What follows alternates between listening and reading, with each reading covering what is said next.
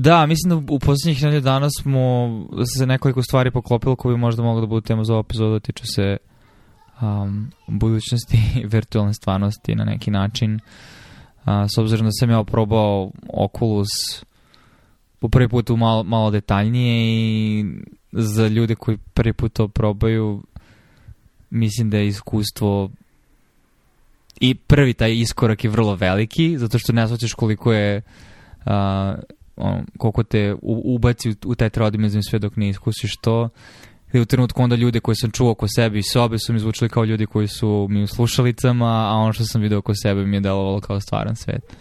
A, čak i ako je grafika nije nešto pretvrno dobra, samo trodimenzionalnost prosto razbunju tvoj mozak dovoljno da pomisliš da je to stvarnost. Um, I onda s druge strane ti si mi poslao onaj klip um, o Unreal Engine 5 koji ono naravno iteraciju, iteraciju je sve bliži um, stvarnosti i onda kako se asimptotski približavamo tome, sad sam nekako optimistični po pitanju toga da će za našeg života um, game engine biti nerazdvojevi od stvarnosti, barem u domenu toga šta prosmat, posmatraš u, toku to, u, u okviru tog game engine-a. Ono što je mene zadivilo nije samo kako izgleda Unreal Engine 5, nego da se sve to u realnom vremenu dešavalo dok praviš sam svet.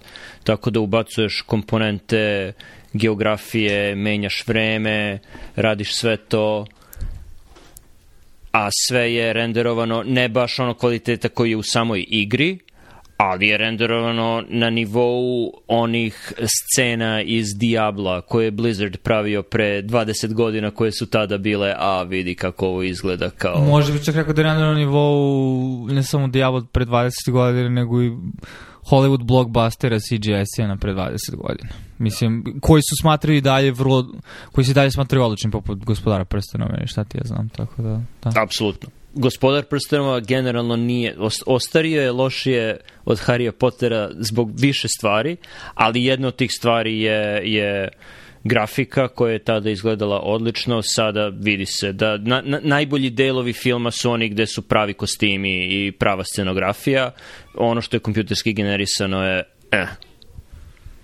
uglavnom kombinacije te dve stvari, a to je i drugo, da, što je Unreal Engine 5 uživo renderovan na PlayStationu petici i novom Xboxu, tako da je to meni fascinantno da trenutne konzole mogu da renderuju to. Znači, konzole koje generalno po defaultu su iza onoga što možeš da uradiš na svom računaru.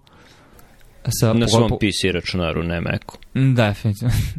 da li je uopšte spomenjem Macu domenu igranja kompjuterske igrica, ali e, da, e, sa, sa posvećenim ono, GPU. A, tako da kombinacija toga sa nekom vrstom trodimenzionalne trodimenzionalnih naučara uh, e, mi deluje da će dovesti do eksplozije mogućnosti uh, u domenu svega onoga što ćemo da radimo, možda čak i na nivou znaš, kad su počinjeli socijalni mediji, pa svi su bili kao, ok, napraviš profil na MySpace-u, kao, ok, malo izmeniš HTML, pa je ovo malo druge boje, haha, ali kao 10 godina kasnije to je stvar koju svi imaju i svi, te, i svi smo na neki način uključeni u to i u velikoj meri razbija barijere koje su ranije postojale. Mislim da potencijale svega ovoga, pogotovo kad to, već su sada to stvari koje, mislim, ono, ljudi mogu sebi da priušte koliko toliko, znači ne moraš da budeš milioner, milijarder, za 10, 5-10 godina mislim da će biti stvari koje, kao što sad možeš da kupiš smartphone iz Kine za 100 evra, tako možeš i da ćeš moći da imaš neku verziju virtualne stvarnosti u svom domu.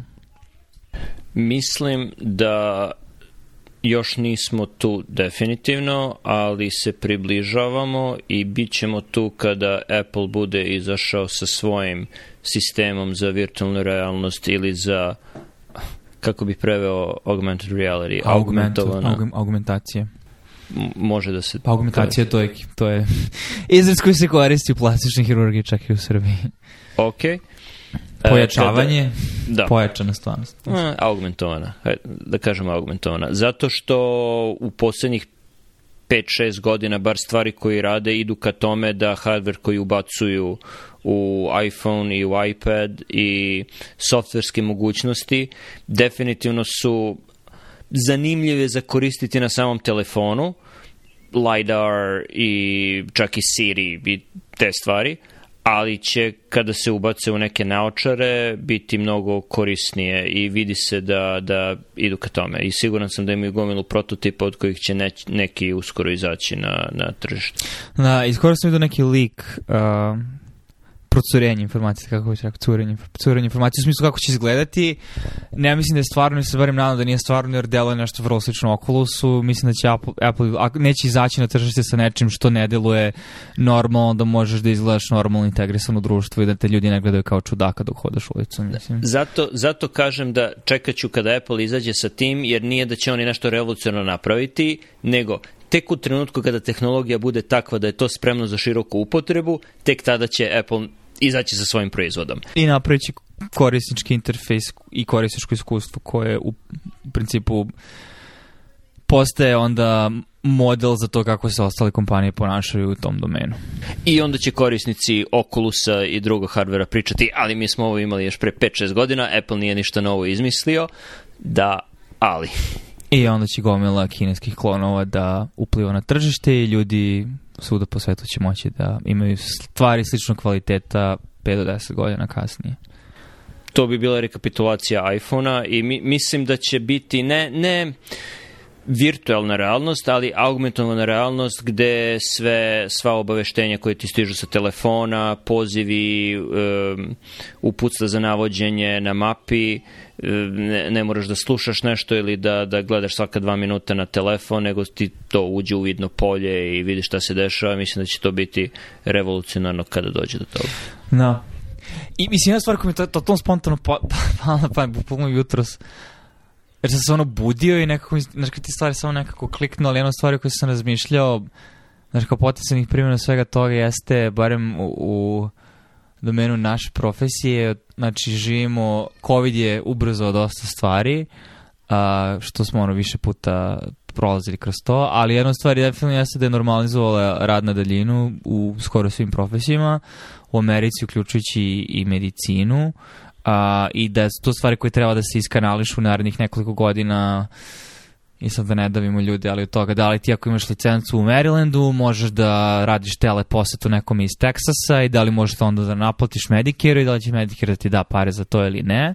Mislim da posebna revolucija sledi u tom domenu, zašto pa lekari su generalno spori i loši u, u, u ovaj, da kažem, advokatura nije advokatura, nego u zastupanju svojih interesa i samo organizaciji, tako da će vjerojatno to spore se desi nego u drugim domenima, ono što mi je palo na pamet je da sada sa nečim što bi bilo vrlo korisno kao um, augmentovana stvarnost i način kako možeš koristiš, da ti u principu zamisli teleposetu sa pacijentom, gde ti stavljaš te naočare, a taj pacijent je negde totalno drugde i da postoji neki znači, modul u sobi sa pacijentom koja je kamera koja može se pomera u prostoru na neki način, ali da ono što pacijent vidi na svojim naočarom je tvoj avatar. I da recimo tvoj avatar nije samo tvoj avatar, nego da ti ono preko nekog sigurnosnog protokola, da li će to biti na blockchainu ili neće, ne, ne, nebitno.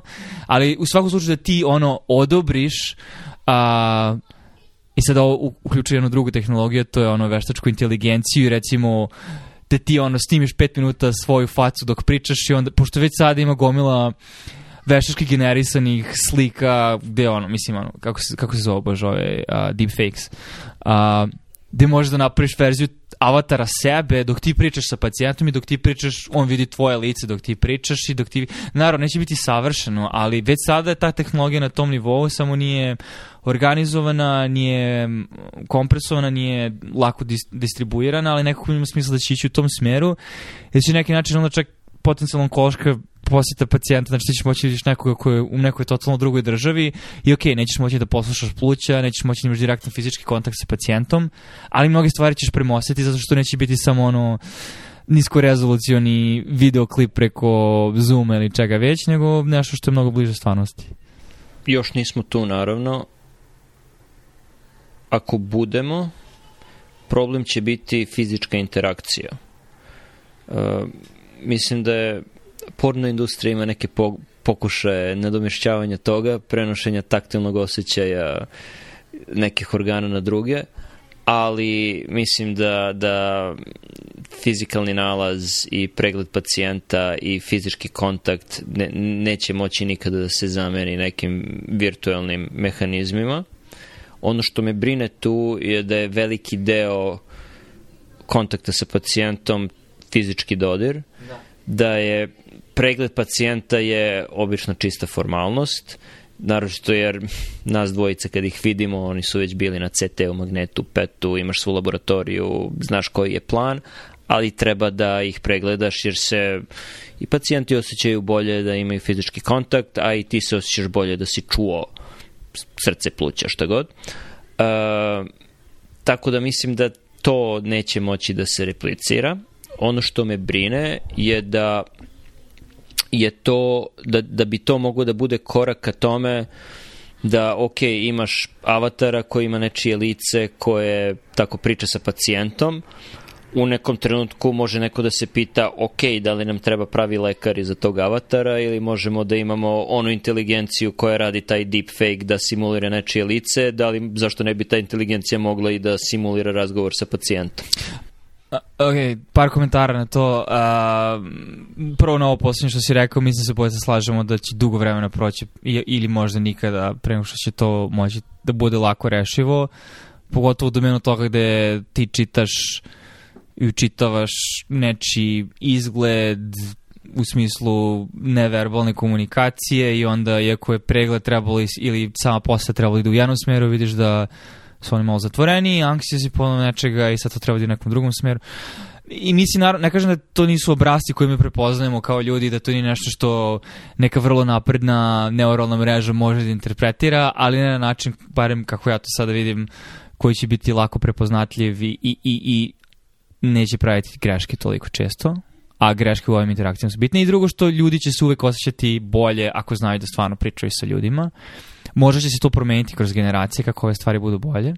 Ali komentar na prvu stvar, slažem se potpuno da, da je fizički kontakt neophodan, ali to je sad u domenu toga koliko si i samo, ja mislim da će to rešiti, u smislu prisustvo vrlo detaljnog avatara kroz augmentovanu stvarnost, rešiti to, ali će u velikoj meri približiti to tome i ono ono čemu treba razmišljati u je način je, da, neće da biti 100% tvoje prakse, neće biti ni 50% tvoje prakse, može bude 10% tvoje prakse, ali neki ljudi će možda biti spremni na to zato što je to najbolje što mogu da dobio, zato što ni, ni, inače im ne bi bilo to dostupno.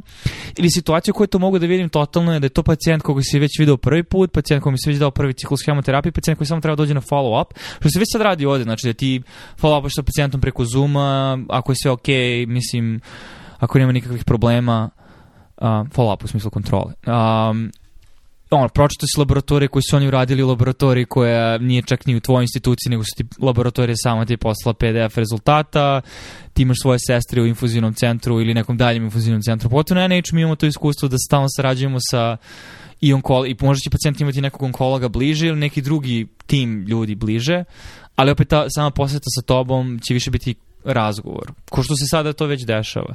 U isto meri ko što ono, ljudi imaju sastanke preko telefona već neko vreme i znaju da to nije isto kao kad se nađeš nekim u lice, ali ima određenu funkciju, a ima i određene benefite. Ima mnogo korisnih stvari naročito, mislim, meni je uvijek bilo žao ljudi koji dolaze kod nas na kontrolu ono, godišnju ili na 2, 3, 5 godina, koji su morali da pređu dalek put da, da bi, su, da bi razmenili sa nama pet reči. Da, bukvalno. Tako da vidim kako bi to bilo korisno. Pitanje je da li bi to bila, to bi bila virtualna stvarnost, ne augmentovana stvarnost i to bi bila korisna primjena virtualne stvarnosti. Ono što me jako brine je kvalitet grafike koju smo videli u Unreal Engine 5 i ako se ta grafika bude ubacila u virtualnu stvarnost, plašim se da će biti gomile ljudi koji neće želeti da prestanu to da koriste ja od pre 20 godina bih verovatno bio jedan od tih ljudi. U, jako je zanimljivo. Sad moraš da budeš jako oprezan zato što vodiš debatu sa prošlim sobom koja je bila dokumentovana u jednom podcastova, a to je da postaješ ono ludita gde, gde si ja, tehnologija će promeniti svet, mi ćemo zaostati mentalno zakržljati, ljudi čitaju sada knjige umesto da pričaju, ljudi su sada na imali smo podcast na tu temu, ono, Walden Ponding o to, tako da. Da. A, ali slaže se, vrlo je, vrlo je primamljiv taj argument, ali mislim da, da smo svi svjesni toga koliko buljanje u ekrane televizora ili telefona u isto vrijeme zamara i koliko prija i mislim da smo sada da se klatno pomera, pogotovo ljudi sve više postoje svesni koliko socijalne mreže utiču na to kako se oni osjećaju, da li se dobro osjećaju i mislim da prvo da će interfejsi biti dizajn, dizajnirani je li to reč? Bolje dizajnirani, hvala. Um, ka tome i neke kompanije to već rade, znači ono, ja ne želim da imam notifikacije na, na svojim augmentovim naočarima, nema potrebe za tim. Znači, provjeravajući notifikacije dva puta dnevno, nema potrebe dok vozim ili radim nešto. A, mm, čak ni sa skreni levo, skreni desno. Ne, dok vozim u smislu, ne, to nisu notifi, mislim, notifikacije u smislu poruka koje te stižu na... Pa da, to treba isključiti. Da, da, da, da, ali kažem ti, znači, to su stvari koje mislim da sada generalno sve više se priča o tome, znači ono, mi kao lajci pričamo o tome kako, naš, koji su utjeci socijalnih medija na kvalitet naših života i tako dalje. Tako da mislim da će se klatno pomeriti u tom smislu da će definitivno fizičke interakcije i dalje imati smisla, ali za dosta ljudi će isto vreme nadomestiti gomilu stvari koje možda ne mogu sebi. Znaš, ne možeš da priuštiš putovanje sebi u Pariz, pustio sam ti onaj 4K klip sa dualnim kamerama. Zamisli da imaš trodimenzionalnu dualnu kameru sa binauralnim slušalicama nekoga ko hoda kroz Pariz. I zamisli da si ti ono pacijent sa metastatskim karcinomom koji je ono vezan za krevet i ne može da ide nigde, ali bare može da iskusi nešto ovako onako, mislim, bolje to nego da sediš u sobi i gledaš daytime televiziju hospis. Da. Ne, ne, neću kažem zamisli ti pomeri s mesta, šta god. Zamisli neko, ajde, da čisto... Ma mogu i sebe da zamislim. Okay, okay. Mislim, u našem poslu razmišljaš često o najgorim scenarijima. A i sad ću ja da razmislim, razmišljam o najgorim scenariju, ti, lepo je što ti je ok, super realistična virtualna stvarnost koja pomaže pacijentu sa rakom koji ne može da se pomeri iz kreveta da poseti druge gradove. Uh, ja zamišljam uh, neku diktaturu uh, koja političke zatvorenike muči različitim scenama virtualne stvarnosti gde ti s pomoć deepfake-ova možeš svašta da radiš članovima njihove porodice razmišljamo o onoj sceni i scenama iz Velikog brata o, o, o pranju mozga, čak i o paklenoj pomoranđi, da. opet scena pranja mozga. Da. Razmišljam o toj primjeni virtualne stvarnosti razmišljam da li se već možda negde ne primenjuje. Ja bukvalno razmišljam da ne mora da bude ne, ne mora da, da manjina u Kini ili ili ne mora ne mora da bude ni u Kini, ne mora da bude ni diktatorska Gitmo, vlada. mislim, može da, god, mogu i Amerikanci to da rade. Upravo, da. I čim smo to rekli, vrlo vratno se dešava i da ćemo za 40 godina da saznamo kada se deklasifikuju neka dokumenta koje, ovaj... Ne, naravno, mislim, ali to isto, svaka tehnologija sa sobom nosi rizike i benefite, mislim ni, naš, voziš se automobilom brže, veća šansa ćeš da pogineš nego na konju, ali automobili sad mnogo bezbedniji i suštinski su promenili naše društvo. Um, ali slažem se, e, problem je... mislim, ono, staviti šešir nekoga pokušava da predvidi budućnost, mislim da je nezahvalan posao i da li će biti net benefit ili net um, negativnost ne, ne možemo da procenimo, ali da će se desiti, mislim da je sve izvesnije. Um, nekako bukvalno, pošto smo pričali o tome zadnjih nedelju dana, ne, ne delo mi kao da, da, da, da se neće desiti, da stvari idu ka tome i da je to nešto što ljudi žele. Mislim, zašto, znaš, nešto što je, i ne, nešto što ćeš želiti da radiš potencijalno svaki dan, ali nešto što ćeš želiti da radiš par sati nedeljno, mislim ali da će gomila mladih ljudi potencijalno koji nemaju šta bolje da rade umjesto da troše vreme na la la la, trošit će na to opet da mm. da bude malo negativan, mm. mladi ljudi sada troše svoje vreme na telefonima, da. ali sa druge strane tih telefona opet neko živo biće sa kojim komuniciraju. E, troše vreme ispred konzola, ali na konzolama možeš da radiš igre za više igrača, gde ste zajedno, sedite za kaučom ispred TV-a, igrate zajedno igre. Mm ako se prebaci na virtualnu stvarnost i na Oculus, koliko igara je sad za Oculus za više igrača, da li postoje i da li će, da li ti ako imaš veštačke inteligencije, deepfake-ove, sve to, da, da li će ti biti potrebno neko, ne, neko drugo živo biće sa druge strane svega toga? Pa mislim da deepfake-ovi su dobri, barem u tom domenu rešavanja problema u smislu simulacije lica ljudi, ali ne znam koliko, znači mislim totalno druga neka ne, neki sistem bi trebalo da postoji tipa ono poput GPT ili šta već, ali i dalje mislim da to nije na tom nivou da ćeš ti sada u potpunosti zameniti ljudsku interakciju i ono što ja mogu da vidim totalno da socijalni mediji mogu da budu potpuno drugačiji. U smislu da bleješ u nekom virtualnom prostoru sa ljudima, što već sada postoji u stvari i ne znam, to je biš pre 3-4 godine su bili mimovi sa onim, jo bože, kako se zove Sonika, onaj mali a, drugi crveni... Mm, Ne znam. Na, naći ću... Ne, nisam igrao Uglavnom, mogu se da razumeš radište avatare u trodimenznom prostoru, virtualnoj stvarnosti, ima, ima tome već 3-4 godine i ispao je mim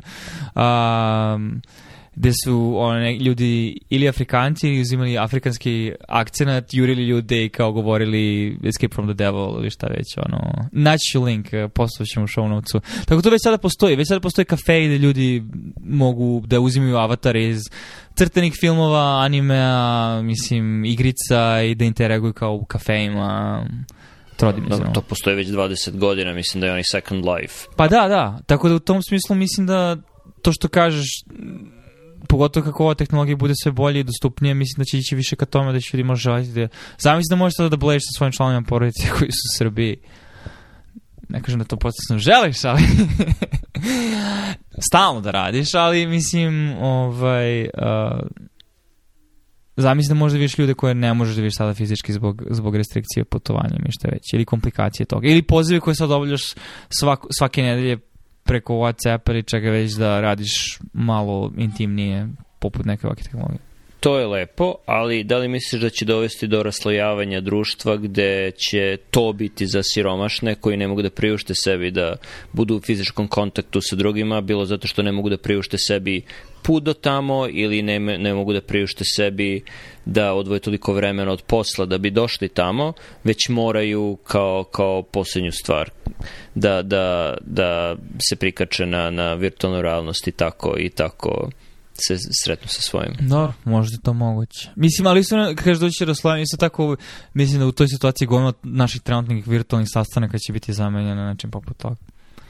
A... Nadam se da neće. Ja sam se nadao eliminaciji sastanaka, da budem iskren, i duboko me razočarala proliferacija sastanaka e, koja je nastala zbog lakoće zakazivanja istih. Mm, pa možda mehanizmima. naša higijena zakazivanja i otkazivanja sastanaka nije dovoljno dobro.